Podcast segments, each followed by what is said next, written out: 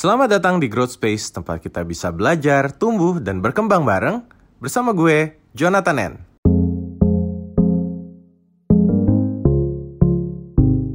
Halo, halo, selamat malam. Nah.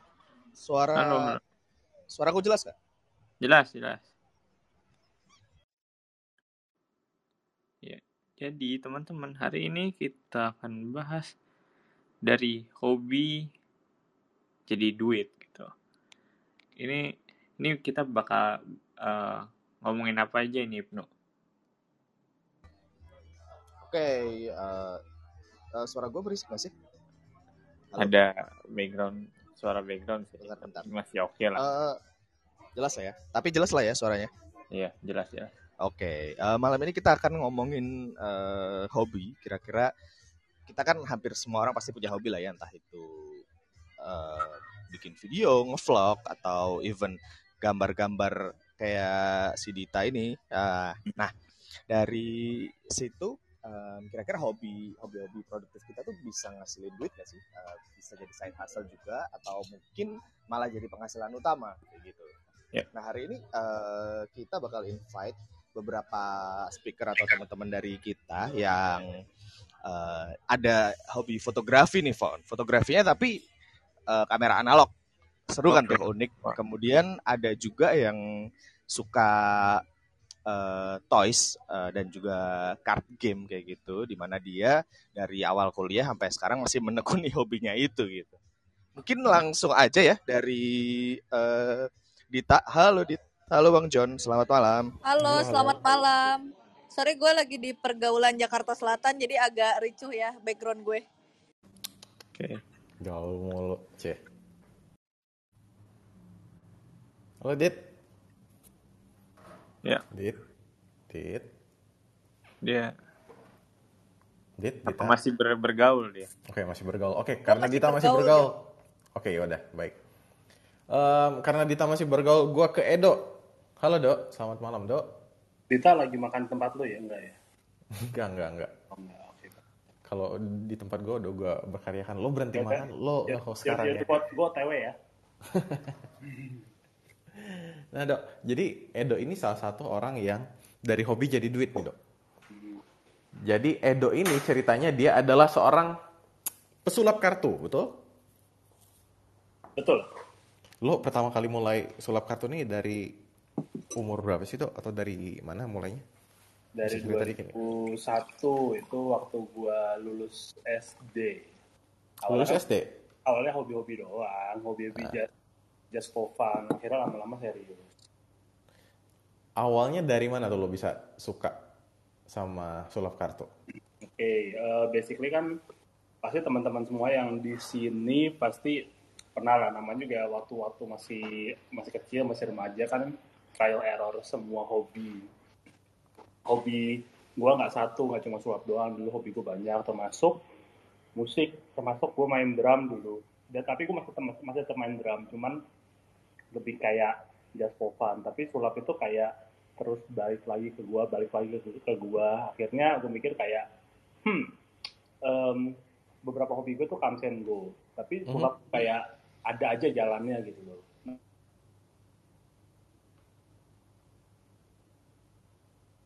Tuh. Perform di di event siapa lah. Terus habis itu em, zaman dulu kan kayak impress eh, women eh, pakai sulap lah, terus eh, make friends juga pakai sulap lah gitu. Terus gue bilang kayak, hmm, I think em, sulap seru juga nih kayaknya buat buat apa namanya buat kayak ice breaking gitu loh. Dan saat ketemu orang orang baru tuh kayak first impressionnya tuh keren banget kalau bisa sulap gitu. Oke, pertanyaan lo pernah nembak cewek pakai sulap? Em, enggak sih, tapi eh, Tasya eh, menikahi saya mungkin salah satunya dengan karena karena dia teramaze sama sulap saya betul nggak? Enggak, enggak sih. Enggak ya. Langsung istrinya klarifikasi. Waduh, waduh, waduh. SNI sudah minta izin istri. Belum iso ya. Istri sudah oke. Nah, em, boleh diceritain nggak pertama kali lo ngeduitin hobi lo tuh pas kapan, Dok?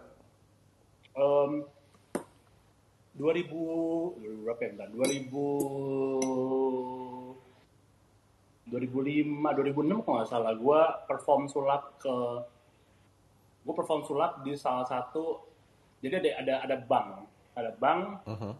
temen gue kerja di bank itu terus dia bilang do gue ada ada kayak booth ada kayak pop up booth di salah satu golf course di daerah Pik. Wow, oke. terus lu mau nggak perform di situ? Gue bilang ya dulu kan gue nggak tahu maksudnya kalau zaman sekarang pasti gue tanya eh, audiensnya siapa um, gue perform siapa orang orang dewasa apa orang eh, anak-anak kecil. Gue nggak mikirin itu cuma mikir oke boleh. Lu kayak wow duit gitu ya. duit yang penting. Eh, eh, sampai sana oh sama gue nggak mikirin juga gue nggak mikirin berapa duitnya. Gue iyain aja pokoknya. Habis itu em, ya udah pas sampai sana cuma ternyata cuma kayak boot boot kecil banget jadi kayak kasar tuh cuman dia mereka itu cuma bagian selebaran bagian selebaran di di di eh, golf course itu dan orang baru cuma kayak numpang lewat doang nggak nggak bener-bener stay untuk nonton jadi Kayak nontonin ya. mencoba untuk kayak kasar tuh kayak gue menjadi kayak tanda kutip badut sulapnya untuk kayak menarik eh, orang-orang untuk untuk datang ke booth itu untuk mungkin ada no ngobrol atau buka rekening atau apa gitu tapi Hmm. eh, we end up getting zero people yang datang ke booth kita dan ujung-ujungnya gue cuma perform ke staffnya doang Hmm. dan ujung-ujungnya gue eh, pas pulang gue cuma disodorin amplop isinya seratus ribu Oke. Itu itu lo usia berapa itu? 2005 2006. SMA ya SMA satu SMA dua Oh, lumayan lah, not bad. SMA sudah bisa ngasilin lah. dia lumayan Ya, meskipun jalur orang dalam dan ya. betul dan abis itu di bank yang sama gue perform buat anak-anak. Hmm. jadi di di banknya itu dia ada kayak buka acara kayak ya kids day lah atau apa gue nggak tahu. Terus gue disuruh perform sama anak-anak. Dan tipikal gue itu dulu main sulapnya sama kayak sekarang mainnya kartu dan uh, magic khusus biasanya untuk orang dewasa. Ya remaja ke dewasa lah. Gue nggak pernah perform anak, anak kecil sampai sekarang. Dan seru dan di situ gue suruh perform untuk anak-anak TK dan SD Terus anaknya nggak ada yang ngeliatin lo jadi main sama staff lagi enggak? Kak, untungnya ada yang untungnya mereka ngeliatin mereka duduk bener-bener kayak kalau di sekolah minggu tuh bener-bener kayak gue di depan mereka eh, kelilingin gue tapi I really have no idea mau main apa ujung-ujung cuma kayak main ya main hal-hal receh aja gitu loh. Untuk lagian anak kecil kan mereka amazed ya dengan, dengan apa pun yang eh, kita mainin. Jadi ya Hmm. nanti mereka ketawa-tawa ya udah it's good for me gitu. Tapi ya buat gue gue lebih nyari experience-nya, gue lebih nyari tantangannya, gue lebih nyari kayak, oh bisa ya gue ya walaupun agak receh dan agak aneh, tapi ya ya gue coba aja gitu loh. Terus pertama kali lo ini lo apa? Lo mikir buat seriusin nih gitu kan? Tadi kan 100 ribu kayaknya lebih ke eh berarti pas magang eh pas magang pas nampil di anak-anak ini di depan anak-anak ini dapat duit lagi? Nggak dapat, nggak dapat. Oh nggak dapat. Terus ngapain lo tampil? Makanya makanya kadang gue mikir kayak when I look back, sometimes like, wow, gue gue ngelewatin masa-masa itu ya. Kadang-kadang lucu gitu loh. Tapi ya buat gue kayak ya every every every event, every setiap acara tuh kayak experience buat gue sih, buat pelajaran gue juga. Right, right. Dan lo seriusin di titik mana lo mikir kayak oke lah gue seriusin ini jadiin pekerjaan? Um, sulap sampai sekarang buat gue Gak mungkin kan orang tua kayak mama papa aku mau serius jadi pesulap kayak hah lo yakin gak mau jadi dokter insinyur gitu ya? My, my, my parents bukan tipe yang art related. Dalam artian eh, di keluarga gue yang yang benar-benar into art dan yang benar-benar independently kerja sendiri make a living doing uh, what I love itu cuma gue sendiri kayaknya. Kalau gue look back dan gue ngelihat keluarga besar pun kayaknya gue belum ketemu gitu. Cuman gue doang. Adik gue dua adik gue dua cewek dia kerja di uh, perusahaan 9 to 5 yang dua-duanya they are looking for career mereka Hmm. bener kayak ya cari karir yang yang bagus lah dan gua bukan tipe yang gua nggak nggak gitu suka duduk di kantor 9 to 5 untuk kayak kerjain hal yang hal yang sama tiap hari gitu loh tapi ya awal-awal pasti gua ngelakuin itu gua tetap kerja kantoran in the same Ya. time gua ngelakuin em, apa hobi gue yang gue berharap in the future gue bisa em, make a living doing what I love gitu loh tapi ya kalau untuk sulap gue sampai sekarang nggak menjalankan sulap sebagai my full time job instead gue mendesain kartu remi eh, untuk ya make a living designing playing cards dan gue pakai sulap untuk showcasing my playing card design nah, kalau gue gitu oke Mantap. John, gue udah bisa ditanya. Silakan Dita. Hello Dita. Dit. Lo ini seorang penulis, pekerjaan penulis, tapi juga ilustrator. Jadi sebenarnya lo hobi nulis apa gambar? Atau tidak keduanya? Indonesia Negara Hukum. Assalamualaikum. Jadi, Mantap. jadi eh, gue kan hobinya sebenarnya hobi gue tuh bukan menulis atau menggambar, John. Karena gue berangkat dari keluarga yang miskin, hobi gue adalah mencari uang. Oke. Baik. Iya, jadi salah satu cara tercepat yang selama ini gue lakukan untuk dapat duit adalah kalau tidak menulis, menggambar. Hmm. Itu. Berarti pertama kali menghasilkan menulis atau menggambar itu menghasilkan pas kapan? Jadi waktu dulu, waktu gue SD, teman-teman gue kan eh, intelektualitasnya alhamdulillah tidak setinggi gue kan waktu itu. Oke.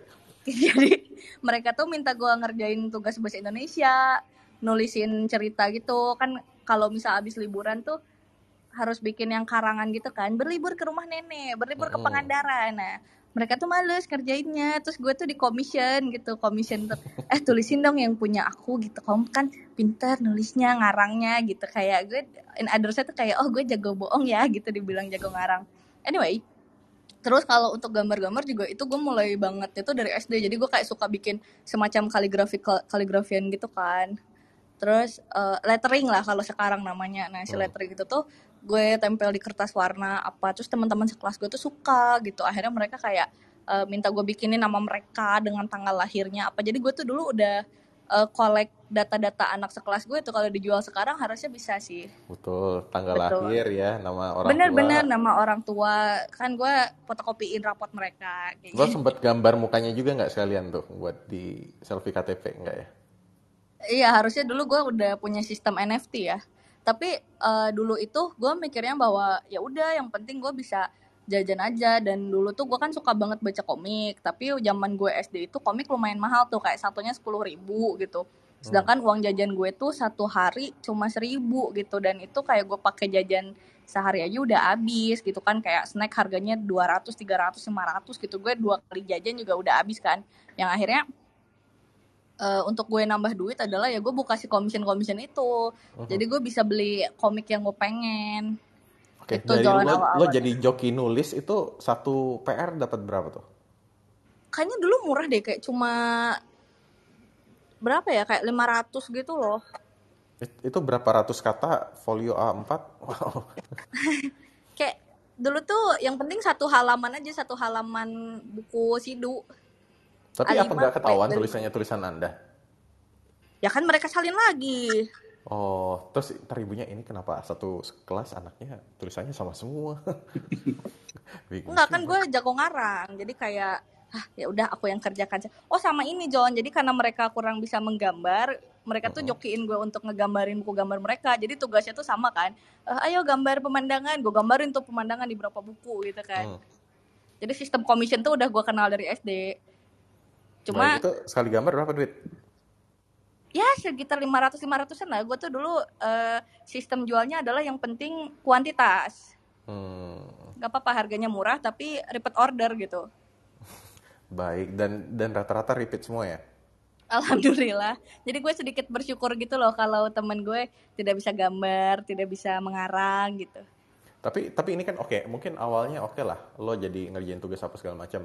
Em, tapi ini akhirnya membuat kayak oh gue jadi suka nulis nih atau gue jadi hobi gambar nih, jadi hobi Nah kalau kalau nulis tuh sebenarnya itu berangkat dari hal yang lebih menyedihkan lagi John. Jadi gue tuh waduh, suka ini nulis lo sedih karena banget ya kayaknya. iya bener Bisa sedih banget nih. dua season. Betul betul betul.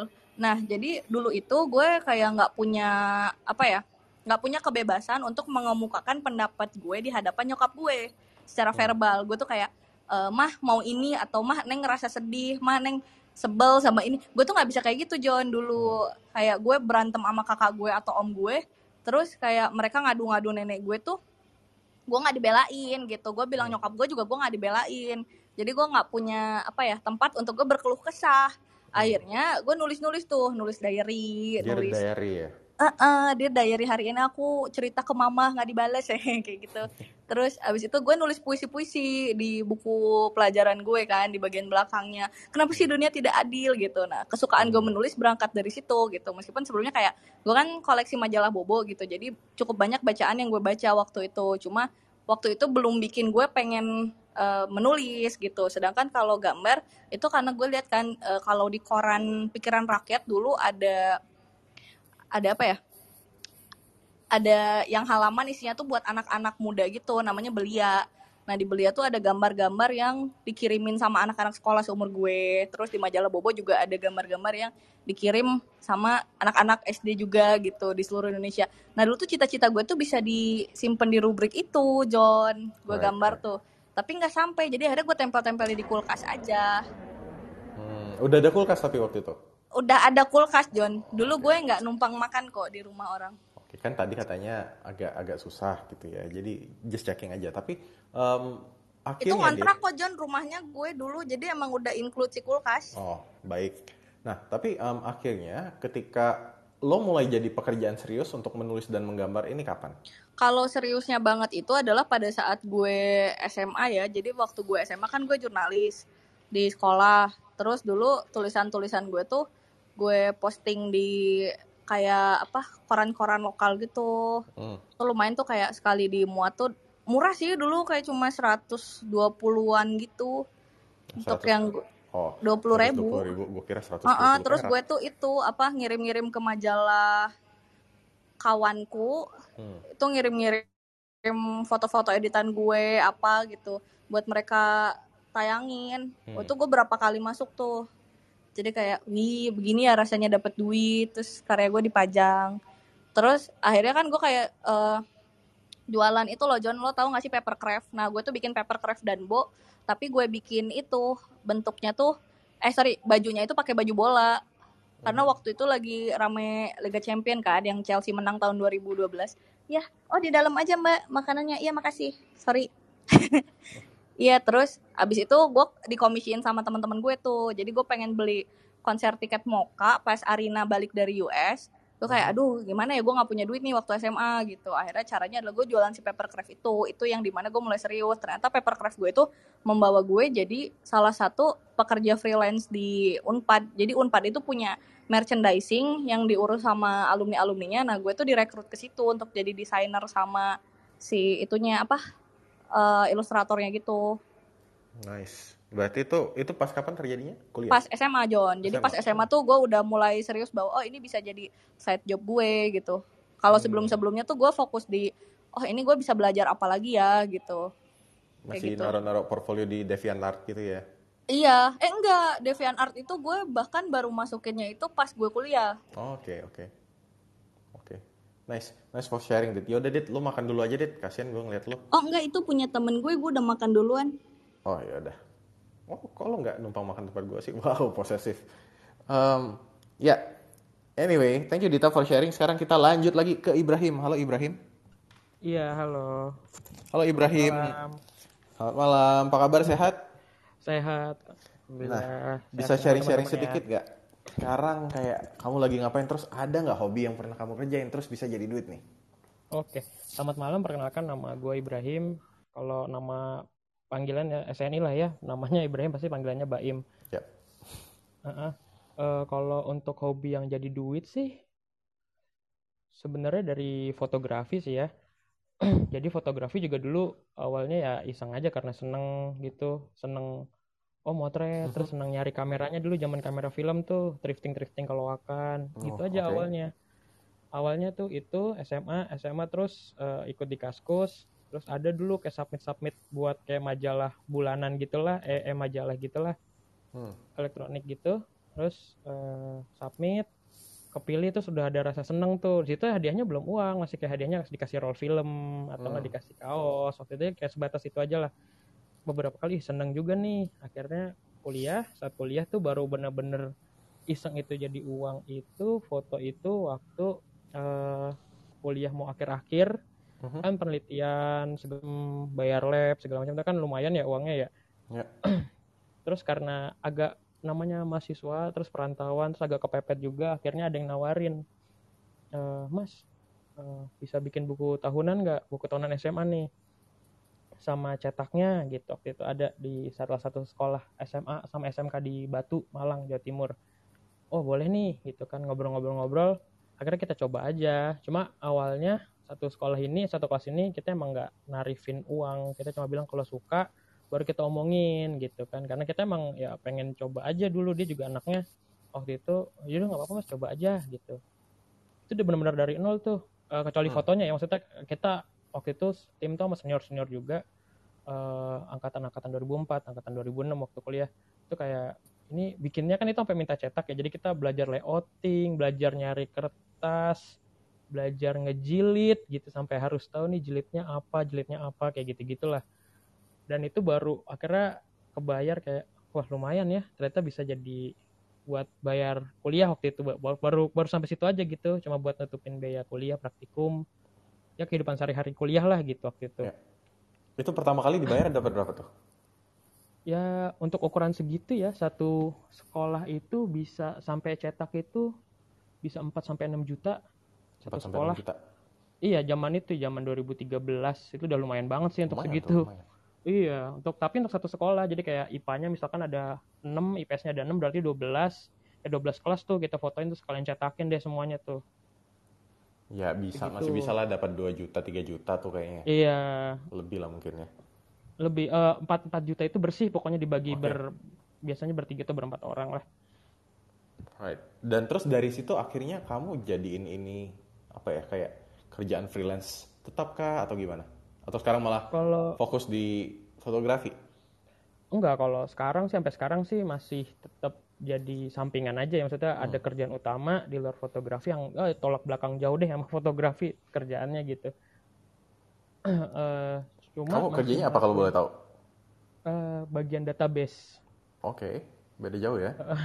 jauh banget jadi benar-benar angka sistem angka yang Hmm. kecil-kecil gitu rumus yang aduh udah jauh banget deh pokoknya hitungannya ya jadi kalau sekarang sih masih sampingan sih jadi waktu akhirnya pas selesai kuliah itu balik ke Jakarta eh, kerja terus akhirnya ketemu sama teman-teman yang seneng motret doang dulu awalnya. Jadi yang seneng-seneng eh, street fotografi gitu ya tangga fotografi di ruang publik ketemu ya random aja strangers awalnya ngobrol eh, visinya sama akhirnya pengen bikin awalnya tuh cuma free photo session buat teman-teman yang eh, kayak pas pandemi deh pandemi bulan-bulan Maret pandemi bulan-bulan Maret iya kayaknya Hmm. yang waktu itu ada temen yang mas pengen punya kenang-kenangan dong gitu gitu kan eh priwet tapi kan aku ntar nggak dirayain segala macam pengen Hmm. nyobain gitu kan kita kasihan gitu ya ah, coba deh ya udah free dulu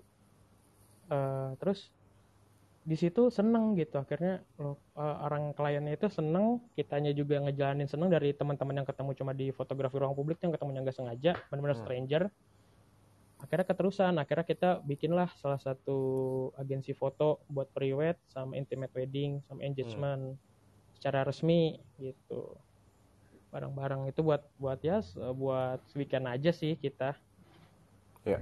Dan itu pertama kali kenapa kamu ngasih yang kayak apa? um, kenapa kamu ngasih free cuma-cuma? Eh, Itu karena- semacam hunting foto ya berarti ya?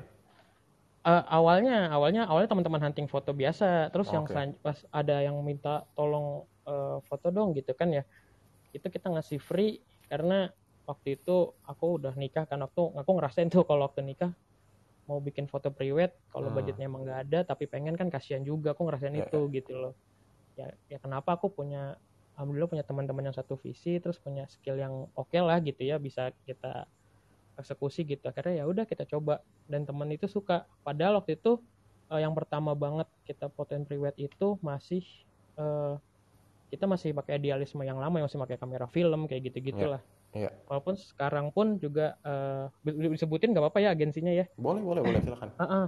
Jadi sampai sekarang pun kita bikin namanya nata kata. Nata kata itu ya awal mulanya dari itu nata kata. Jadi kita pengen intimate sama kliennya.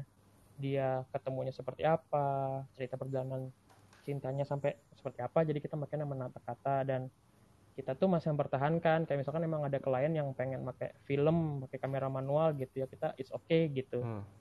Gitu sih sampai sekarang. Berarti sekarang ini spesifik untuk kamera film. Enggak, digital juga. Oh, digital Tergantung juga. kalau film itu eh, request dari klien sih. Beberapa masih ada soalnya. Oke. Di base-nya di mana? Jakarta. Base-nya di Jakarta, Jakarta Bekasi sih. Oke, jadi buat teman-teman yang mau nikah mungkin dalam waktu dekat butuh foto prewed, silakan nanti kepo-kepoin Ibrahim aja ya, tanya-tanya aja ya dan tadi cek-cek nata kata ada di mana? Di Instagram ada. Di Instagram ada nata kata. Tuh, Instagram nata kata, silakan langsung dicek. Thank you banget Ibrahim buat sharingnya. Iya, terima kasih. Sekarang kita mau beralih dulu ke AB ini AB atau Ape. Wow, keren juga Ape. AB, AB, Ape. Halo, halo. Satu, dua, tiga. Punten. Mari, mari, silakan Ape. Ini gue panggil lo AB atau Ape? Ini AB-AB aja. AB, oke. G- Gimana, AB? eh ya, eh, gua mungkin awalnya dari SMA ya, di S2 Hmm. di Bandung SMA. Terus ada kayak dulu di rumah tuh ada aplikasi Corel Doll tau nggak? Corel Doll. Iya, Corel. Heeh, terus pas main ke rumah teman, ya temen di rumahnya ada Macintosh, ada aplikasi kayak gitu di Windows satunya ada Studio Band, ada segala lah. Dari situ gue belajar, kalau gue sih gitu ya, dulu hobinya mungkin ya namanya mungkin kebanyakan anak Bandung lah ya, Hmm. Bikin nonton band indie, terus kayak bikin merchandise kayak gitu. Nah, itu sih gue asalnya hobinya cuman ya nyontek-nyontek desainnya oval, bla bla bla kayak gitu. Cuman buat ngeprint sendiri, terus pas temen gue ya SMA itu bikin band, kita bikin merchandise Oke, Jualan. merchandise apa tuh? Kaos? Kaos biasa lah kaos kaos kita dari situ juga kayak gimana ya band hardcore sih ya agak sulit juga apa namanya animonya. Tapi dari situ juga kita belajar yuk kita belajar strategi gimana sih caranya si ma- mau ada peminat gitu. Terus di situ wah kita tuh ada gini nih ada jadi ada satu cewek tomboy cantik.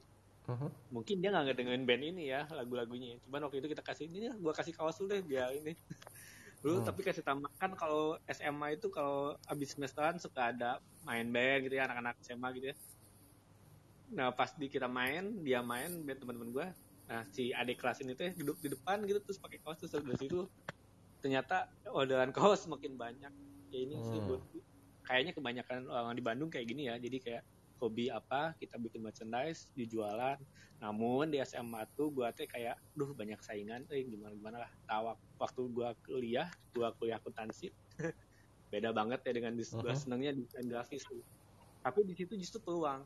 Di situ kayak gua ikutan himpunan terus eh, kayak ada acara bikin program acara nih himpunan tuh. Oh kegiatan stadium general atau apa bikin kaosnya atau bikin iklan. Nah di gua mainin bahkan sampai proyekan eh, bikin baju ospek Jadi mafia kaos di kampus lu ya? gue sih gitu awal mungkin desain eh, gitu ya ya ya mungkin kebanyakan ya mungkin apa gini banyak lah desain bajak apa program aplikasi bajakan di Hmm. Salman kayak gitu-gitu ya terus gue ngulik-ngulik-ngulik namanya orang desain mungkin ya lebih ke asalnya desain kaos lama-lama gue pengen fotografi lama-lama videografi. Sebenarnya gue juga dulu pengen kuliah di KJ ya cuman ya Hmm. terbatasan duit juga nggak mungkin juga gitu. Orang tua udah nggak ada gue cuma bergantung ke kakak-kakak gue Mhm. dan dari situ gue mulai belajar belajar tapi gue juga kayak nggak nggak puas gitu. Apa? Baju eh, ini. Dan eh, akhirnya gue mulai belajar aplikasi kayak desain rumah asal Hmm. produk sih cuman kayak produk kayak kayaknya ini nggak ini deh nggak make sense. Terus pas rumah ya gue juga belum ada modal ya. Kebetulan gue masuk PNS terus gue ditugaskan di salah satu KB, aduh disebut nggak ya? Ada di Ya. KBRI lah. Nah di KBRI ini di Middle East gue kan bersosialize lah dengan dengan orang-orang Timur Tengah. Kebetulan waktu itu di Kuwait dan di Kuwait itu ternyata waktu 2016 tuh baru happening namanya coffee shop. Hmm. sedangkan ya di di Indonesia mah udah dari kapan tahun ya? Dari 2010 kayaknya. Betul. kopi-kopian. Dari situ gue juga apa namanya ya udah gitu. Gue punya konsep. Ya kan banyak coffee shop di Indonesia. Gue contek-contek aja satu-satu. Gue ini combine combine. Kayaknya yang cocok di sini apa? Dan Ya. di situ juga kayak mengeluarkan lagi hobi gue maksudnya mengimplementasikan. Gue seneng desain ya gue bikin cafe ada namanya aplikasi itu eh, di iPad tuh home design. Simple simple kayak gitu aja konsepnya kayak gitu. Terus gue belajar SketchUp dikit-dikit.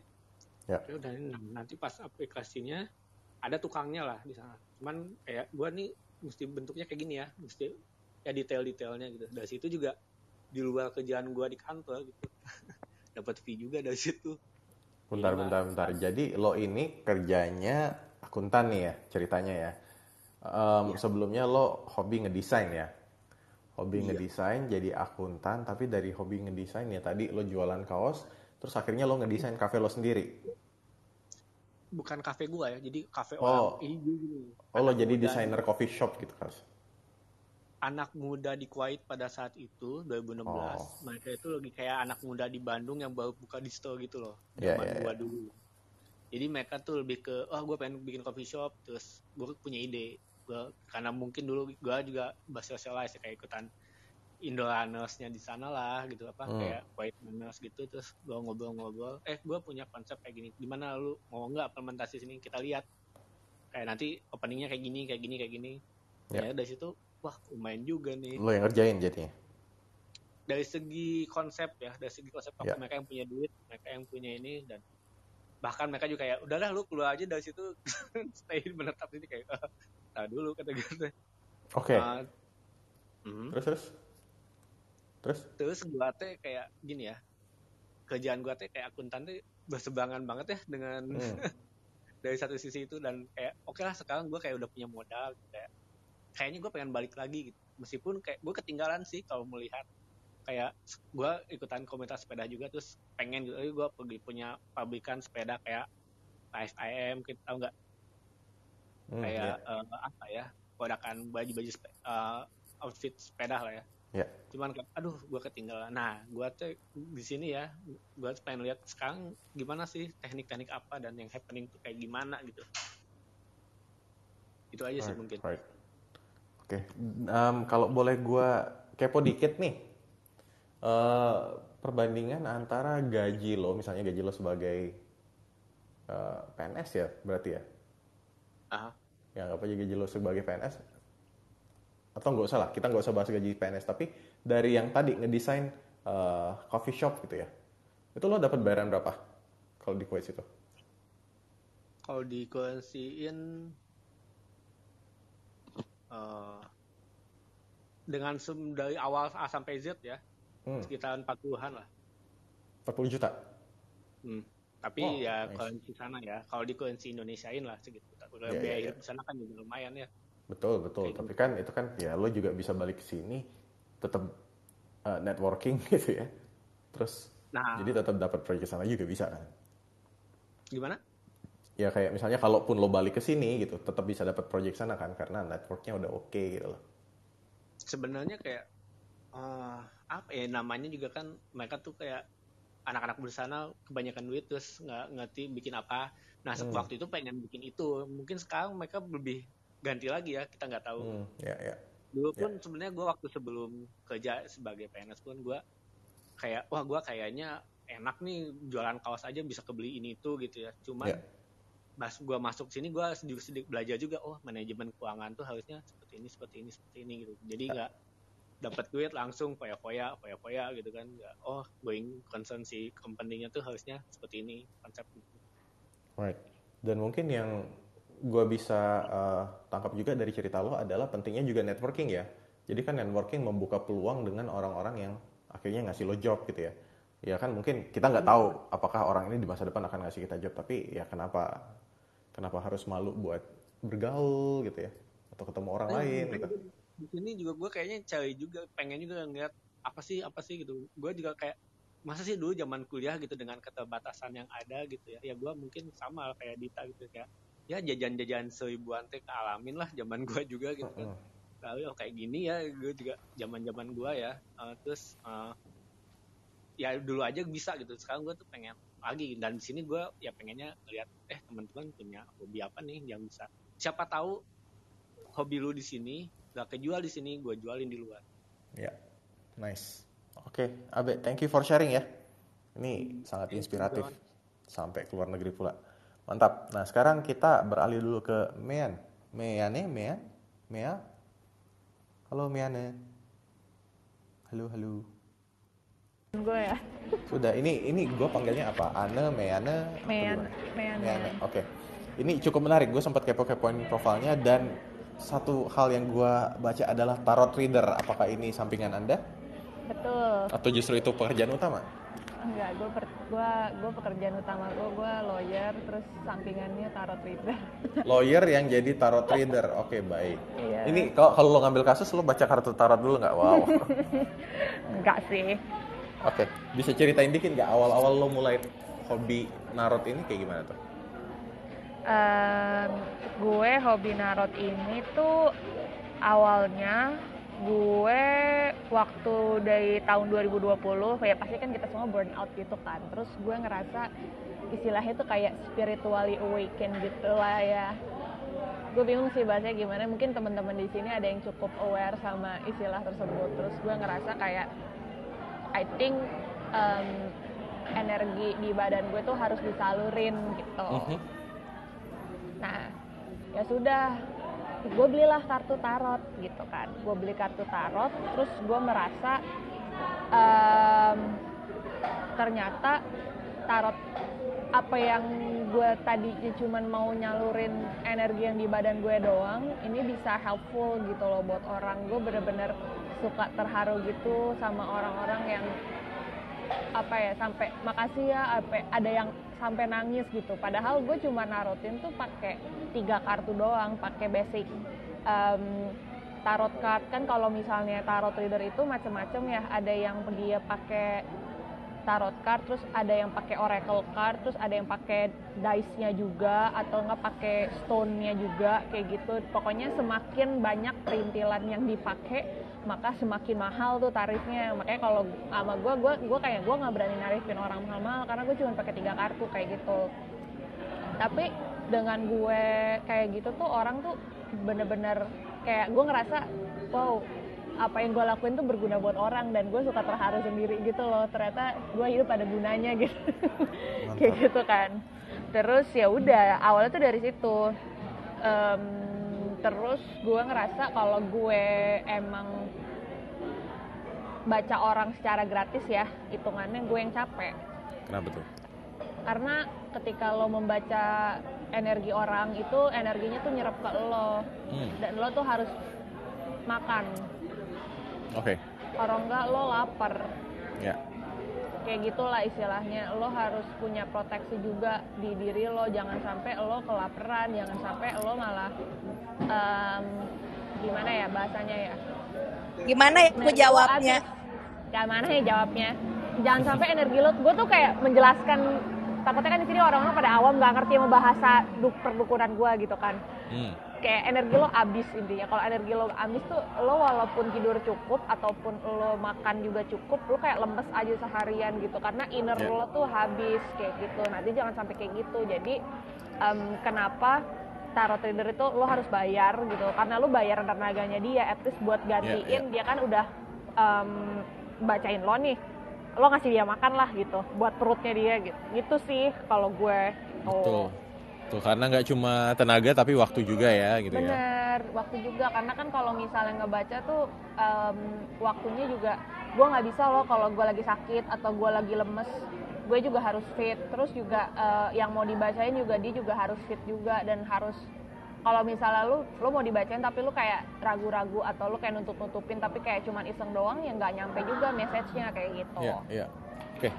Pertama kali ini kenapa lo akhirnya memilih tarot gitu ya dari sekian banyak kartu atau sekian banyak cara gitu ya? Kan tadi lo aduh gua pengen menyalurkan mungkin energi spiritual gitu. Kenapa ke tarot? Apakah ketika lo lewat toko tarot tiba-tiba lo melihat kartu itu dan lo merasa terpanggil apa gimana? Gak ada, gue kayak pengen tahu aja. Gue tuh bahkan nggak punya mentor atau gue tuh nggak belajar dari mana-mana. Ini dari tahun kapan ini? Dari tahun 2020. Oke, baru berarti ya. Ya Dan kan hobi gue Hmm. banyak gitu ya. Terus kayak paling menghasilkan duit yang ini. Oke, nah kalau gitu bisa diceritain nggak pertama kali kayak lo dapet klien itu gimana sih sampai bisa akhirnya dikasih duit gitu? Oh jadi awalnya Bayar. tuh gue mau testing klien itu gue gue gue awalnya ngetes ke temen gue langsung. Itu tuh posisinya ada tiga temen yang emang gue udah kenal cukup eh, akrab temen yang emang baru baru calon jadi akrab jadi temen akrab sama nyokapnya temen gue pokoknya tiga tiga itu eh, inti kayak ya bisa dibilang 80% akurat lah. Terus gue ngerasa kalau gue asah terus bisa nih kayak gitu. Terus gue coba metode kan orang-orang kan sekarang kayak online gitu tarot ya Hmm. karena kan kemarin emang pandemik banget terus ketika gue coba online eh ternyata bisa juga gitu online. Terus ya ada beberapa orang yang jadi percobaan gue tuh jadi gue bener-bener coba-coba kayak sehari gue baca lima orang gitu. Itu gue ah, itu gila sih gue kayak wah capek banget cuy gitu. Terus gue turunin akhirnya kayak sehari maksimal berapa kayak gitu. Terus metodenya juga ada yang chat ada yang telepon ada yang pernah video call juga gitu. Sampai akhirnya gue ngerasa oh ini nih yang paling cocok gue baca kayak gini. Terus gue juga awalnya tuh tarifnya tuh seikhlasnya gitu loh. Cuman ada one day orang tuh bener-bener seikhlasnya seikhlasnya dia cuma sepuluh ribu gitu. Kayak nggak sepuluh ribu juga gue mau beli apa?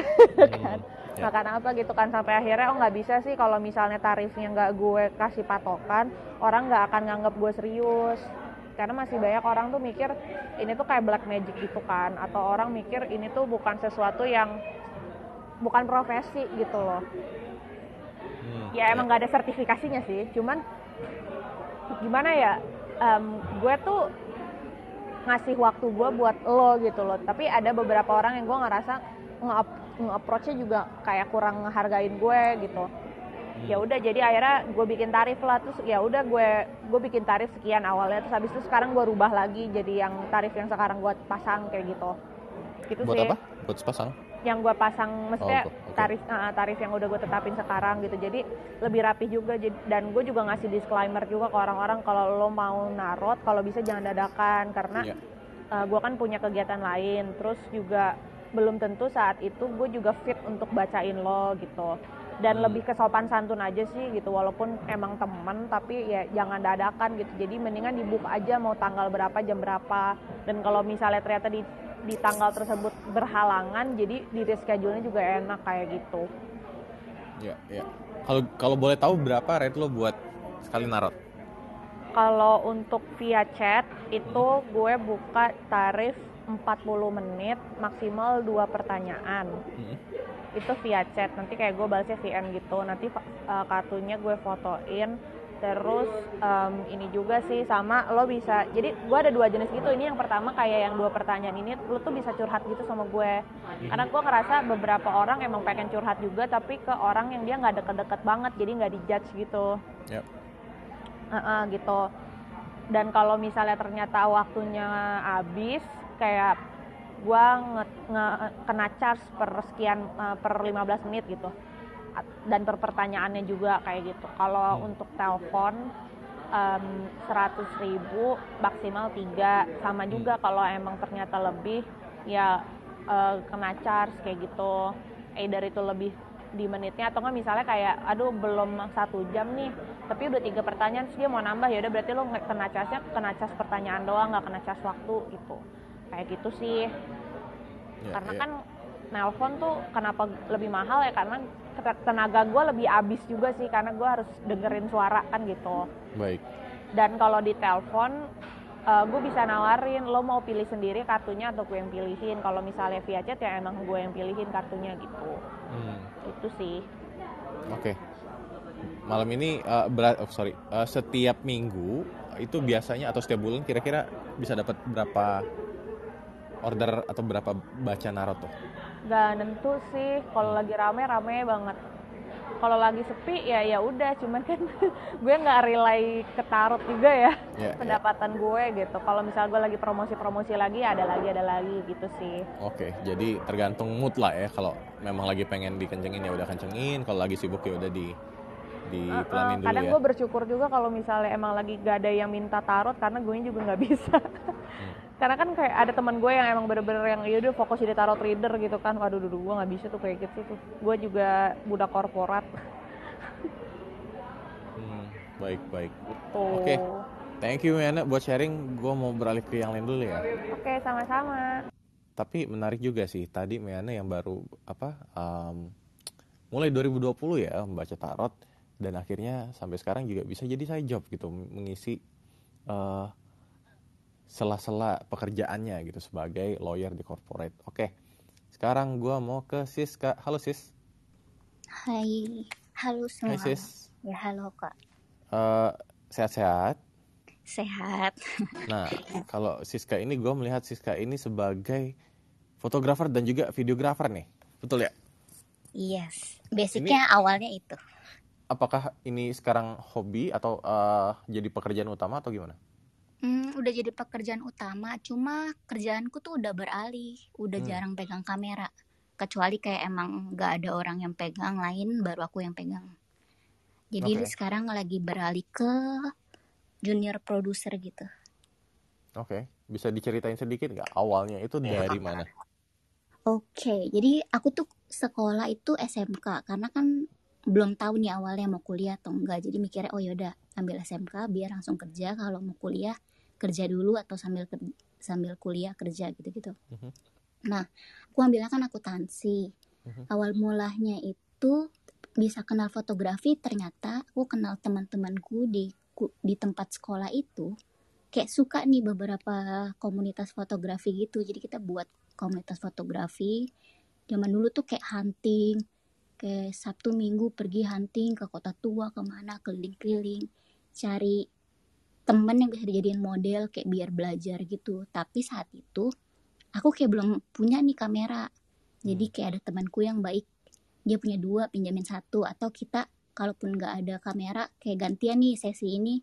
Siska dulu atau sesi yang lain siapa dulu. Jadi aku awal mulanya. Karena itu nah habis itu udah cuma hobi-hobi doang. Paling eh, bantuin kayak saudara atau atau atau apa tuh kayak foto eh, ulang tahun atau acara paling-paling kayak gitu atau di sekolah. Biasa dulu pasti ada sesi foto tukang dokumentasi. Mhm. nah aku salah satunya kayak gitu. Nah pas udah mau lu eh pas udah lulus terus mami bilang nih Siska mau kuliah gak? Kebetulan jadi Hmm. terus aku mikir hmm aku akuntansi tapi kayak males kayaknya ya di belakang eh, buku-buku atau komputer yang di kantor doang. Jadi aku mikir cari jurusan yang kira-kira ada pelajaran fotografinya. Dan di DKV di DKV itu ada pelajaran fotografinya. Ya. karena itulah aku masuk ke DKV ambil multimedia dan lanjut sampai sekarang. Kurang lebih kayak gitu awal mulanya. Oke, pertama kali Hmm. dapat duitnya itu pas kerja apa dan berapa banyak tuh, Sis? aku eh kayak dokumentasi ulang tahun sih kak kalau nggak salah Ya itu betul, tapi dapat duit nggak? Dibayar dapat gitu misalnya. awal-awal awal-awal mungkin enggak gitu kan Hmm. tapi ada juga yang dapat kayak buat Sweet Seventeen gitu-gitu kayaknya kurang lebih 500 ribu deh Sweet Seven- itu tahun berapa itu? 2009 2010 Oh, oke, lumayan tuh. iya kayak atau 300 pokoknya tergantung nih. Jadi kadang kan kalau dulu tuh nggak aku nggak bisa matok harga kayak berapa duit gitu. Hmm. Eh, aku tanya dulu kira-kira eventnya apa kamu punyanya berapa bisa aku komunikasiin gitu. Hmm. Nah dari situ baru kita ke kuliah kan. Ku- kuliah pasti ilmunya lebih jelas lagi baru kayak eventnya lebih besar. Kayak dulu tuh ada ikut event. Kayak acara Buddhis yang nasional gitu jadi dokumentasi juga pernah megang atau fotoin. Ini zaman kuliah ya jadi kayak belum resmi. Eh, fotoin untuk eh, sosmednya Onda Onda keran itu loh kak. Keran. Itu sosmednya awal-awal kalau dibuka sampai sekarang scroll itu aku fotoin. Foto ini di sekitaran kampus karena dulu kampus ada asrama jadi kita nggak punya studio nggak punya Mhm. apa. Jadi di taman kampus di tempat serbaguna kampus yang gitu-gitu ambil background kurang lebih kayak gitu sih terus selesai kuliah Itu jadi ap- pekerjaan utama langsung. Iya, jadi kan aku ada kayak freelance juga kayak fotografinya kayak wedding awal-awal atau dokumentasi acara besar gitu. Nah temanku tuh tanya sis mau masuk ke ke tempat yang aku sekarang ini. Jadi aku masuk. Cuma kayak baik teman doang, lihat udah tahu kerjanya gimana, udah masuk aja. Jadi aku nggak pernah interview secara eh, formal gitu sih, kurang lebih. Udah Hmm. bertahan, udah lima tahun di tempat sekarang. Oke, terus gimana dengan pekerjaan sekarang? Apakah happy atau ternyata kamu ada, oh, gue lagi ada hobi baru nih. Hmm, aku sih aku ngerasa happy ya soalnya kayak karena aku suka walaupun kadang syuting tuh bisa sampai 5 pagi jam 4 pagi gitu-gitu. Aku masih ngerasa happy sih sama lingkunganku tuh enak juga. Dan kan nggak nggak lingkungan yang harus ke kantor dari jam 7 sampai jam 5 atau jam 8 sampai jam 5 jadi misalkan kalau aku hari ini nih nggak mau nggak bisa ke kantor aku ada kerjaan set job lain tuh masih dibolehin kak. Jadi kadang aku masih ada set job kayak jadi art director atau jadi eh, foto foto produk apa yang nggak misalkan masuk ke kantor tuh masih bisa kayak gitu Ya, ya. Nice. Dan gimana ceritanya sampai akhirnya sekarang malah berarti bikin agensi sendiri ya? hmm, ya Apakah apakah ini kamu juga bikin atau misalnya kamu direkrut di agensi atau gimana? direkrut di awal sih jadi aku Oke. dari awal dia ada tapi pernah ditawarin tapi kayak nggak nggak mau terlalu terikat banget Nggak mau terikat banget gimana maksudnya? aku sebenarnya kalau bisa dibilang maunya sih ke depannya kalau bisa loncat ke perusahaan besar ya kenapa enggak gitu jadi kayak Hmm. Right, right. Berarti oke mungkin buat teman-teman yang nyari fotografer, videografer atau nyari ide-ide kreatif bisa juga ke Siska. Kalau tadi Ibrahim mungkin lebih ke foto prewed gitu ya, Siska mungkin sisanya. aku ke company Oh, company profile gitu ya. gitu ya Oh, oke. Oke. TVC dan lain-lain Oh, sampai TVC juga ya. Jadi buat Anda brand manager atau misalnya butuh iklan atau apa, silakan kontak ke Siska. Thank you banget, Sis. thank you juga Oke, sekarang ke Fahmi. Halo Fahmi. Halo, halo, halo. Selamat malam, selamat malam. Malam Fahmi. Ya, Mau sharing nama, apa nih? nama saya iya, kita mau sharing tentang kartu Yugi. Iya, Kenapa? jadi kartu Yugi, Yu-Gi-Oh. Pernah tahu Yu-Gi-Oh. kartu Yugi? Oh, em- oke, Iya, kartu Yu-Gi-Oh. iya. Itu saya main tuh Yu-Gi-Oh. Betul. Lah, main. gitu. Jadi kebet ya betul. Jadi gini ceritanya. Jadi saya kebetulan itu hobi Yu-Gi-Oh memang dari dulu. Mm-mm. Nah, dulu tuh awal-awal aku masuk ke dunia Yu-Gi-Oh itu berawal dari awal kuliah bareng itu Ibnu. jadi kita tuh dulu satu komunitas waktu di Malang. Nah, jadi dulu awal-awal aku mikir gini, Yugi itu kan hanya permainan kartu anak-anak. Tapi kan karena aku dulu itu kuliah di Malang 8 tahun yang lalu, awal-awal aku mikir eh ini masa masa ada sih komunitas Yugi dulu kan ini kan zamanku permainan SD ya. Ternyata di Malang itu ada apa komunitas gitu. Akhirnya aku nyemplung lah di dunia permainan kartu Yu-Gi-Oh. Awal-awal juga aku mikir ya main ya pasti ngeprint beli kartu fake bla bla. Ternyata ada dunia officialnya atau dunia originalnya Yu-Gi-Oh itu. Nah, akhirnya sampai ketika aku masuk komunitasnya, nyemplung ke dunia komunitasnya, dan ngerti seluk-beluk ke dunia kartu Yu-Gi-Oh. Nah, di situ mulai tuh, udah mulai ori-oriin kartu, udah mulai beli-beli kartu. Hmm. Nah, ah, itulah awal mula eh, bisa ngumpulin kartu-kartu Yu-Gi-Oh original sedikit demi sedikit. Nah, lama-kelamaan ketika kartu udah ori semua, kan gabut tuh mau mau ngapain lagi. Iseng lah coba beli-beli kartu yang lain yang eh, yang lagi in lah saat, pada saat itu. Eh ternyata kartu-kartu itu bisa dijual juga ternyata. Dan diputernya lumayan cepat. Lah aku baru tahu ternyata eh, kartu-kartu ini itu ada value-nya gitu loh. Nah, jadi alhasil eh, dulu waktu zaman-zaman kuliah sering tuh awal-awal tahun pertama masih belum ya mungkin ya. Aku kan memulai mulai main Yugi itu tahun 2012. Sampai sekarang pun masih main sih. Hmm.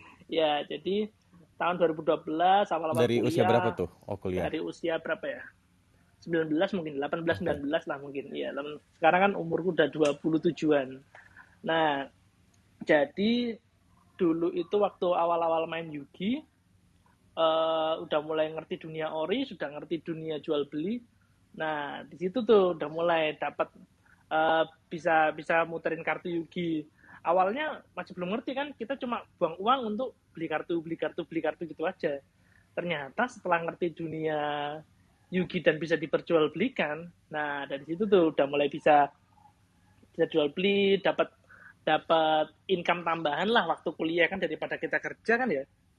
Kalau kita kerja ikut karena kan harus menyesuaikan waktu atau kita harus uh, sesuai dengan kerjaannya. Dulu kan juga waktu kuliah kan ya juga pengen punya eh, pendapatan lain lah ya dari dari mana gitu kayak. Lah, ternyata dari hobi pun juga bisa dapat tuh duit gitu loh. Bahkan temanku aja sampai sekarang masih pure aktif main Yugi plus dapat uangnya dari kartu Yugi juga. Tapi kalau aku sekarang sudah enggak sih kalau sekarang aku berjualan sekarang Jualan apa jadi sekarang? gitu. Kartu juga. Sekarang bukan, sekarang aku jualan investasi yaitu perhiasan emas.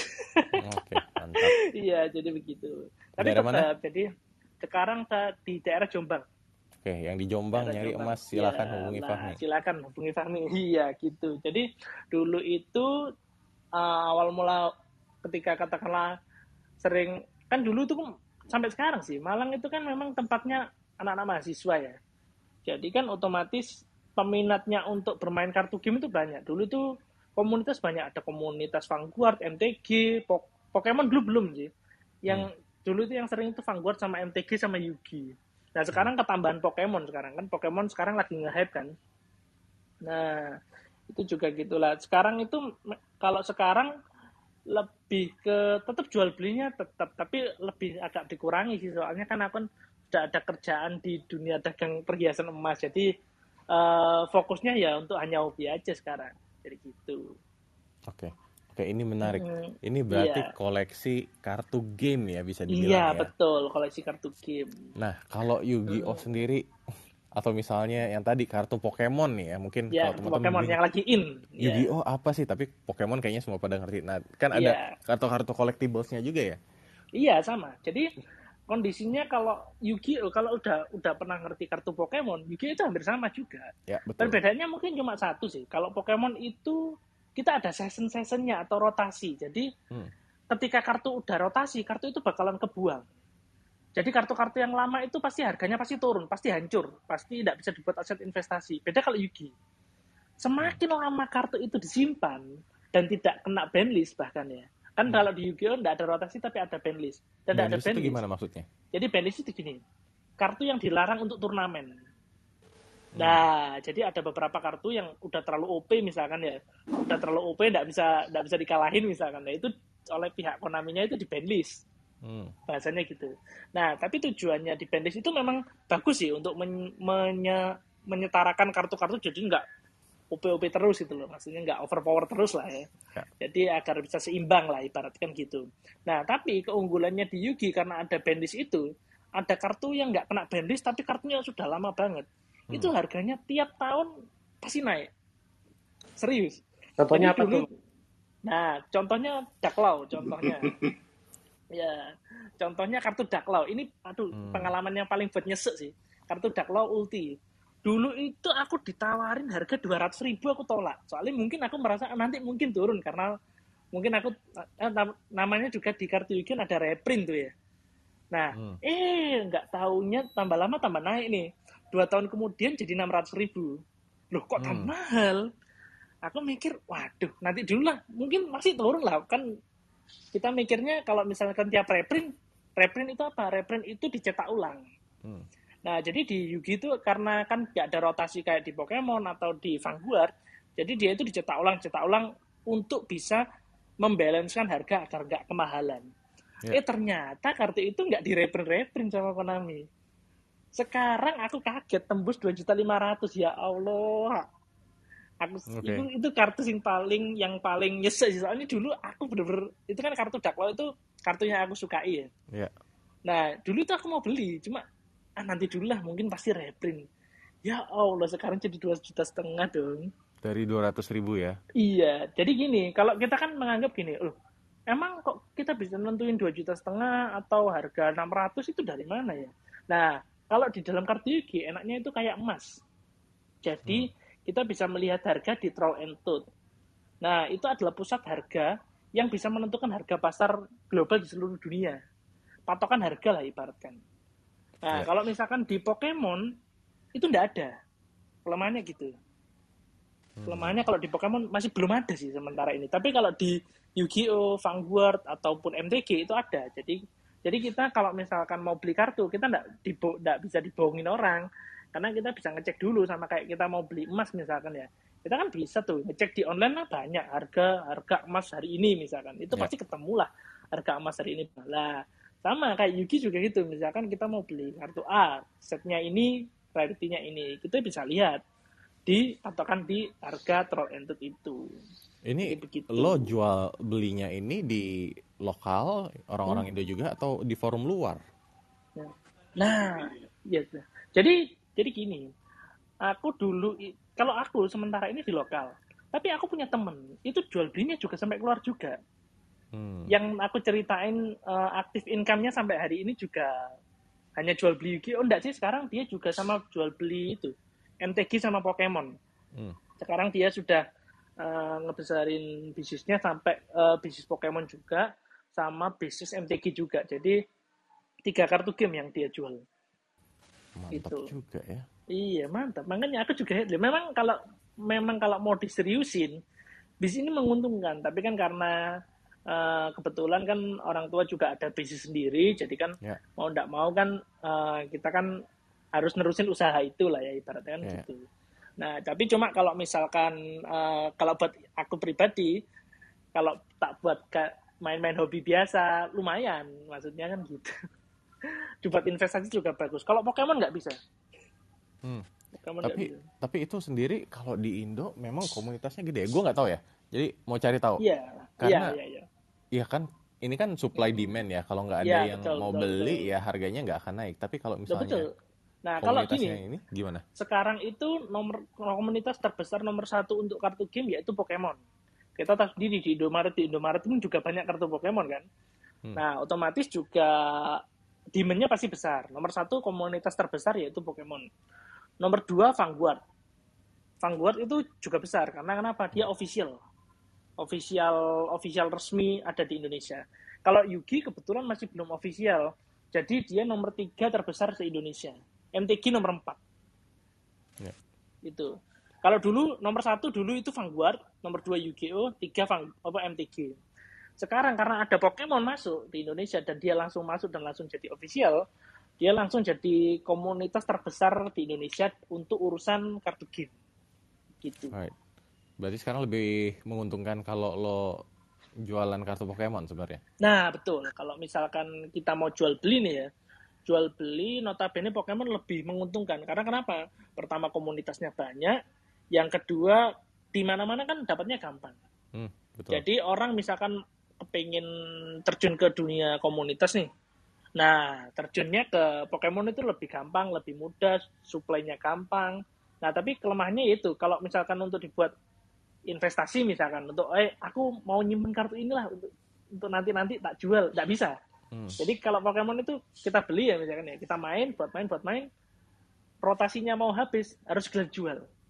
Hmm. Harus. Kalau nggak dijual, pasti buang. Pasti, pengalaman. Ya, ya, ya. Kalau Iya, gitu iya, iya. dari Jadi begitu dirimu sendiri paling Betul, ya. eh, bisa apa ya dapat cuan berapa banyak nih yang paling gede ini dari Oh ya, jual beli dari? Yugi. Kalau Yugi, ya Kalau Yugi itu karena dulu aku mainnya wak- dulu sama sekarang lebih banyak di Malang kalau cuannya. Hmm. Karena kenapa? Kalau di Malang kan kita tahu sendiri, karena kan kotanya besar, Mhm. banyak mahasiswa, demand-nya juga banyak, banyak yang main. Jadi otomatis per bulan bisa sampai 500, 1 juta, sampai 2 juta. Karena kan kita kan jual belinya kan rutin. Hmm. Tiap tiap minggu kita pasti ada gathering. Terus habis itu tiap minggu juga pasti ada, eh, kan dalam satu minggu gatheringnya dua kali, turnamennya satu kali. Jadi ketemunya itu hampir seminggu tiga kali. Nah, dalam proses itu pasti kan ada yang pasti ada yang pengen, ada yang jual, ada yang beli, ada yang jual, ada yang beli. Nah, jadi lebih rutin.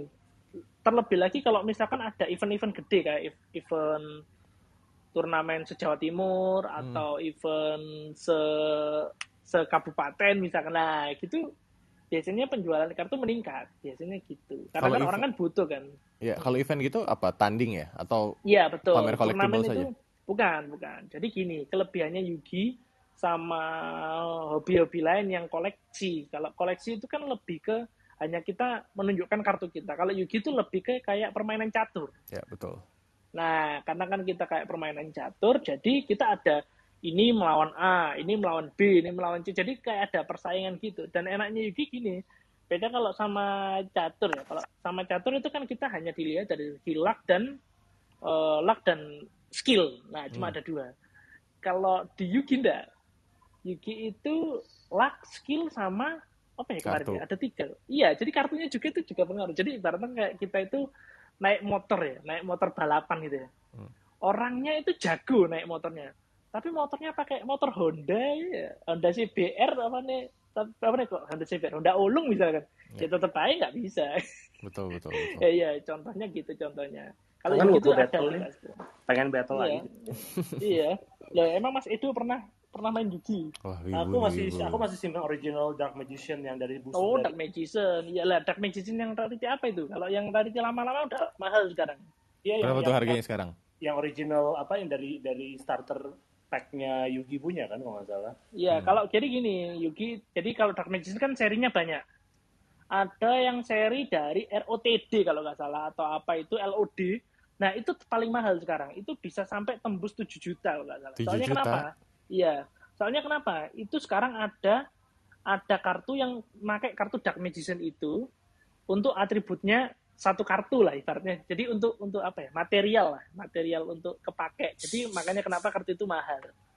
Tapi kalau yang rarity rarity biasa atau yang rarity common atau yang starter pack biasa, mungkin ya murah. Kan Dark Magician itu kan di reprint banyak banget ya. Aku ada dua buku Gitu. isinya kartu Yu-Gi-Oh yang tahun 2000 berapa tuh ya awal-awal banget ya bukunya. Iya, Oke, waduh. abis ini waduh, Fahmi sama Edo silakan Jafrian ya. Waduh, menarik, menarik, menarik, menarik. Waduh, kok menarik, Ketemu menarik. calon klien. Iya. Baik, baik.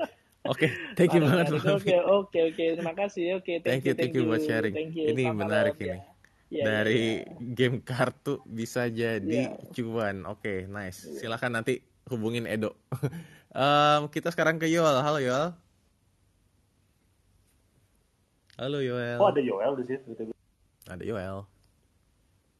Yoel, apakah ada Yoel? Satu, dua, tiga, Yoel. Oke, Yoel belum ada. Em, nah, jadi ini ini menarik banget ya dari tadi teman-teman ada yang mungkin kayak hobi, hobi yang dalam artian skill mungkin ya, yang ada Edo yang pesulap atau Dita yang menulis dan juga eh, Ibrahim dan Siska tadi yang fotografer gitu ya, atau Abe buat desain gitu ini ada yang menarik lagi dari Fahmi. Fahmi ternyata hobi koleksi barang gitu ya. Hobi koleksi barang yang kemudian bisa eh, jadi cuan juga, bisa dijual belikan. Gue jadi berpikir, dulu itu gue sebenarnya koleksi kartu Dragon Ball atau kartu-kartu basket gitu masih ini nggak ya? Masih laku. Basket masih mahal loh, John. Basket masih mahal, ya? Mas. Basket masih mahal, Mas. Hmm, Masih menarik. Kalau misalkan mau lihat itu loh, Mas, di Troll and Toad namanya. Oke. Kalau di situ ada, biasanya itu kalau misalkan di Troll and Toad ada, biasanya di situ eh, untuk jadi patokan harganya, biasanya gitu. Oke, nice, nice. Thank you for the info. Oke lah, sekarang kita ke Yoel. Halo Yoel. Halo Yoel. Yoel, tidak ada suaranya. Bentar, suaranya tadi nongol tapi patah-patah. Nih Yoel kayaknya nyambung sama gua nih desain grafis nih. Halo Yoel, Yoel. Yoel masih tidak kedengaran. Mungkin coba disconnect atau leave atau masuk lagi atau reset clubhouse-nya dulu. Kita akan tunggu Yoel di sini. Baik, sambil menunggu Yoel, kita ke Debbie dulu. Deb, halo Deb. Hai Kak Jo, Kamu mau sharing apa, Deb? Hobi apa kamu jadi duit? aku hobinya lebih ke eh, ini sih melihara kucing kok karena aku punya dua Waduh. kucing kan. Hmm, kucing jadi duit Kak pernah tuh saya.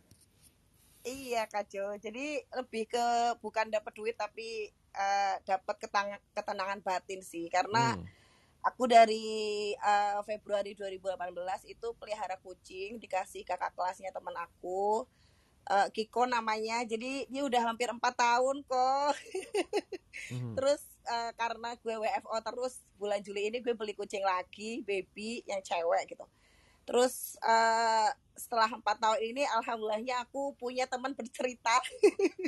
Hmm. kalau teman-teman yang eh, aku cerita ke teman-teman kan biasanya ember ya eh, tembok berbicara gitu. Kalau sama kucing itu kayak cerita apa pun tuh eh, mereka akan mendengarkan dan gak, gak diketahui orang gitu yang pertama. Terus kayak eh, selama empat tahun ini alhamdulillahnya kayak pekerjaan aku tuh lancar-lancar aja gitu kalau ada masalah atau konflik teman tuh kayak cepet kelar gitu kayak eh, Allah tuh bantu aku lah istilahnya terus kayak ada ada aja rezeki kucingnya gitu. Dulu gue pernah jadi sales marketing dan uh, si Kiko ini kayak kan aku ajak jalan-jalan ke GSP ya kalau dulu di GSP UGM gitu. Dia bener-bener ngundang ibu-ibu yang kayak lucu banget Kiko gitu. Sampai akhirnya ibu-ibunya aku chat gitu dan ibunya mau ini mau beli produk aku. Hmm. jadi mereka bener-bener apa ya uh, lebih ke ketenangan batin. Terus aku jadi kayak rajin bersih-bersih karena harus bersihin pasirnya kucing kan. Terus Hmm. harus bersihin tempat makan tempat minumnya dia gitu. Aku pagi-pagi harus uh, sebelum masuk kantor tuh harus menye- menyediakan makanan full minumannya gitu. Terus jadi kenal dokter hewan sampai kalau sakit pokoknya kan sedih banget ya. Jadi bener-bener uh, kalau subuh-subuh tuh selalu baby ini si kucing cewek selalu uh, cium pipi aku biar aku uh, sholat subuh gitu. Sampai uh, dia tuh tidurnya satu bantal sama aku kok. Jadi bener-bener Hmm. kayak kucing gue so sweet banget gitu. Gue merasa kayak mereka bergantung sama aku loh. Jadi merasa aku bermanfaat untuk kucing-kucing ini gitu. Jadi jatuhnya mereka ini ladang pahala aku lah istilahnya aku rela uh, beratus-ratus ribu buat beli pakan kucing gitu Eh, karena mereka benar-benar bikin aku nggak kesepian karena kan ekstrovert banget aku nggak bisa sendirian gitu Ya. jadi mereka selalu aku kiss aku hook aku ajak ngomong gitu sih thank you kok kesempatannya udah di invite jadi speaker Oke, thank you. Dah, ini mungkin ada sudut pandang baru ya. Gimana hobi justru bukan hobi yang diduitin, tapi hobi yang menenangkan. Jadi memberikan kita mungkin apa ya peluang buat recharge, refresh gitu, Em, kesehatan mental jadi balik lagi sehingga kita juga bisa mencari duit lebih fokus di kemudian hari. Nice, nice. It's, it's a nice perspective. Dan Yoel, apakah ada mana nih Yoel? Ayo dong Yoel, kalau nggak gue tutup nih. Oke, atau misalnya gue ada satu pertanyaan lagi deh ke teman-teman yang yang apa ya, yang tadi um, sudah sharing dari kalian sendiri. Um, halo Jess, Jess mau sharing Jess? Halo John, gue baru lihat undangannya. Sorry sorry. Jess, lo ada hobi yang jadi duit nggak? Gue tahu kan lo suka baking ya. Oke, em, mungkin kalau di area dapur nih waktu itu gue pernah bikin PO kepiting saus padang kalau nggak Singaporean chili crab gitu. Karena kebetulan eh, ada teman gue yang supplier kepiting fresh dari Makassar gitu. Jadi kayak rasanya beda deh gitu. Hmm. Nah, tapi kalau misalnya yang jadi duit banget tuh justru bukan yang masaknya nih John, tapi lebih ke arah waktu itu gue praktek vibrational healing gitu. Hmm, gimana tuh? Iya, jadi kan eh, kebetulan emang punya ketertarikan di mental health gitu kan. Terus eh, waktu itu eh, gue tuh belajar satu ilmu yang namanya vibrational healing. Jadi vibrational healing ini adalah eh, ilmu penyembuhan, di mana penyembuhan itu menggunakan vibrasi, membaca energi, dan dari situ tuh aku bisa eh, kasih tahu kalian sebenarnya cakra kalian tuh yang mana yang keblok. Jadi kayak di manusia itu kan punya tujuh titik cakra kan. Mhm. eh cakranya yang mana yang keblok dan eh, jadi tuh orang tuh lebih tahu sebenarnya masalah dia tuh di mana kayak gitu sih. Oke. Eh, iya, udah. Awal mula lo mendalami ini atau tertarik dengan hal ini gimana? Itu gara-gara pertama pindah ke HR sih John. Terus Hmm. eh, merasa tuh oh gila ya ternyata eh, ilmu tentang manusia, penyembuhan, eh, human development itu tuh menarik banget kan. Sampai eh, terus udah gitu kebetulan aku juga belajar astrologi. Jadi bisa jadi tuh eh, kalau misalnya ada orang curhat, aku bisa bukain eh, birth chart kalian. Jadi bisa ngelihat kayak potensi-potensi dari astrologi itu seperti apa. Nah, terus kemudian eh, ketika lagi ngobrol sama komunitas anak-anak astrologi nih eh, ada yang ngajakin gitu tentang si vibrational healing ini gitu. Nah, akhirnya aku kayak ngambil sekolahnya gitu lah John. Terus ya udah lulus, dapat sertifikat, eh, praktek deh gitu. Oke. Dan mm, oke berarti dari lo eh, apa pertama kali belajar, terus kemudian ngambil sertifikat sampai akhirnya dapat job pertama itu gimana tuh? Berapa lama? Hmm, jadi kebetulan tuh eh, apa ya? Sebenarnya kalau dapet job tuh dari IG kan, Eh, dari dari suka ngomong-ngomong di IG dan kebetulan kayaknya di IG IG aku tuh konsep bahwa Jessica adalah seorang madam itu tuh kayak udah Baik, jadi gitu ya. Iya, jadi ketika ketika aku kelar eh, sekolahnya, jadi kayak eh, ngambil sertifikasi itu tuh sekitar satu mingguan gitulah, Mm-mm. satu mingguan, mm, kelar terus kayak aku foto sertifikatnya, terus kayak oke teman-teman sekarang bisa praktek eh, yang mau cobain, pertama dari cobain dulu tuh eh, de- eh, yang mau cobain de- eh, cepet-cepetan jawab pertanyaan gitu, terus nanti eh, dari si orang-orang itu eh, kayak aku capturein apa ya capturein testimoninya terus jadi jadi jadi ya udah jadi ngambil klien dari situ gitu Oke, pertama kali dapat berapa tuh Jess dari sini Jess? Hmm, jadi em, waktu itu tuh tarifnya 150.000 dua kali pertemuan karena biasanya kalau vibrational healing itu nggak bisa dalam Nggak satu bisa kali sekali ya.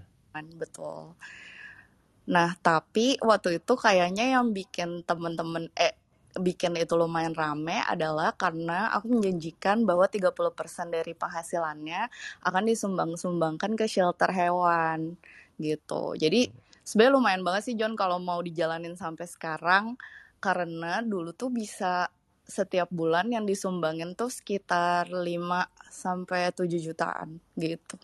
Jadi Oke. lumayan. Ke kepikiran buat jadi ini nih something yang apa ya lebih eh, serius atau jadi main job nggak Jess? Belum, eh belum sih John. Karena sekarang jujur lagi nggak bisa praktek lagi kan sejak eh, kebetulan baru sembuh depresi. Jadi Hmm. belum stabil lah untuk praktek lagi. Tapi karena topiknya nih dari hobi jadi duit gitu. Hobinya tuh awalnya karena pengen dengerin cerita orang dan pengen bantu orang. Jadi dari pengen bantu orang, terus belajar astrologi, terus udah gitu belajar vibrational healing. Jadi kayak dari situ tuh apa ya seneng sih. Jadi kayak ngejalaninnya tuh sambil dengerin cerita orang, terus bisa bantuin mereka juga. Apalagi kalau misalnya mereka comeback dengan kisah-kisah yang eh gila eh, kemarin ngaruh banget yang gitu-gitu. Itu tuh happy banget sih gitu. Yap, nice. Thank you banget Jess buat sharing. Ya ya sama-sama. Menarik cerita Kak Jessica. Wah, boleh Fahmi. Hmm. Nanti ya kalau aku udah praktek lagi kita coba. Nah, Soalnya gini, aku pernah punya pengalaman tentang astrologi atau cakra. Itu aku Hmm. pernah denger sih memang. Hmm. Kemarin itu ketika aku ma- aku kemarin itu juga mau ikut SEF. Kakak pernah ngerti SEF? S E F T. Enggak. Hmm. juga program healing psikologi gitu. Jadi mau bahas tentang cakra gitu. Itu kan ada biaya sekitar berapa ya? Aku lupa antara satu juta atau berapa gitu lah. Aku mau ikut rencana. Soalnya Hmm. untuk menenangkan pikiran atau apa namanya ngeluarin energi cakra yang tertutup katanya bisa Hmm. gitu. Sama persis kayak kata-katanya Kak Jessica ini gitu rencana. Tapi kalau kamu jualan Gimana? eh, perhiasan emas tuh Fahmi Iya? sebenarnya ilmu ini bisa berguna loh kalau kita bisa baca cakra orang karena Lah, maksudnya itu rencana. betul kristal perhiasan essential oil itu semua bisa dicek Ya. vibrasinya apakah cocok dengan cakra-cakra orang tersebut gitu. Ya, maka, ma- makanya itu kemarin itu ketika aku ditawari save itu kayaknya menarik soalnya gini, eh, kalau misalkan bisa buka vibrasi kita atau vibrasi orang lain atau yang jadi untuk bisa membuka gimana ya? Untuk sosial apa namanya? self healing kita kan juga akan lebih tenang pikiran kan gitu kemarin itu. Betul, betul. betul. Iya, makanya itu. Menarik, menarik, menarik. Thank you Mbak Jessica. Iya, Fahmi. Thank you juga kesempatannya buat sharing. thank you ya, thank you buat sharing dan buat teman-teman mungkin yang tertarik untuk mempelajari vibrational healing atau mau jadi eh, klien Jess. Sekarang lagi tutup tokonya tapi nanti eh, siapa tahu buka, kalian follow aja dulu. Em, kontaknya di mana Jess? Enaknya di sini atau di Instagram? IG aja, IG aja, John. Yaitu silahkan cek Nah, namanya iki Jessica menarik, iki Kristalia menarik. ya. Oke, oke, oke. Makasih Mbak Jessica ya. Jessica Iya. Kristalia silakan di follow aja langsung di Instagram. Tuh kan kalian tuh harusnya jadi pembicara. Lumayan lo bisa jualan. Itu kan sekalian ya siapa tahu bisa jadi duit ya. Oke baiklah. Em, ini udah hampir satu setengah jam tapi ya udahlah nggak usah berlama-lama karena ini juga sudah malam kita butuh istirahat dan besok juga masih harus bekerja. Oh enggak ding besok libur. Tapi nggak apa-apa sudah malam kita butuh jadi gue berterima kasih kepada para teman-teman speaker di sini yang masih ada atau yang sudah eh, cabut duluan tadi. Terima kasih banyak sudah sharing dan buat teman-teman semoga yang di share Eh, dan buat teman-teman semoga yang di share tadi bisa jadi eh, apa ya jadi inspirasi. Bagaimana misalnya dari hobi koleksi atau juga skill em, itu bisa jadi uang gitu ya. Jadi buat teman-teman jangan takut buat explore tetap lakukan yang kalian suka dan coba aja pikirin siapa tahu yang kalian suka ini siapa tahu nanti bisa jadi duit juga. Oke kalau begitu em gue Jonathan N undur diri. Terima kasih juga buat Devon dan Ibnu yang tadi sudah ngebuka. Dan sampai jumpa selamat malam selamat istirahat eh, semuanya. Thank you thank you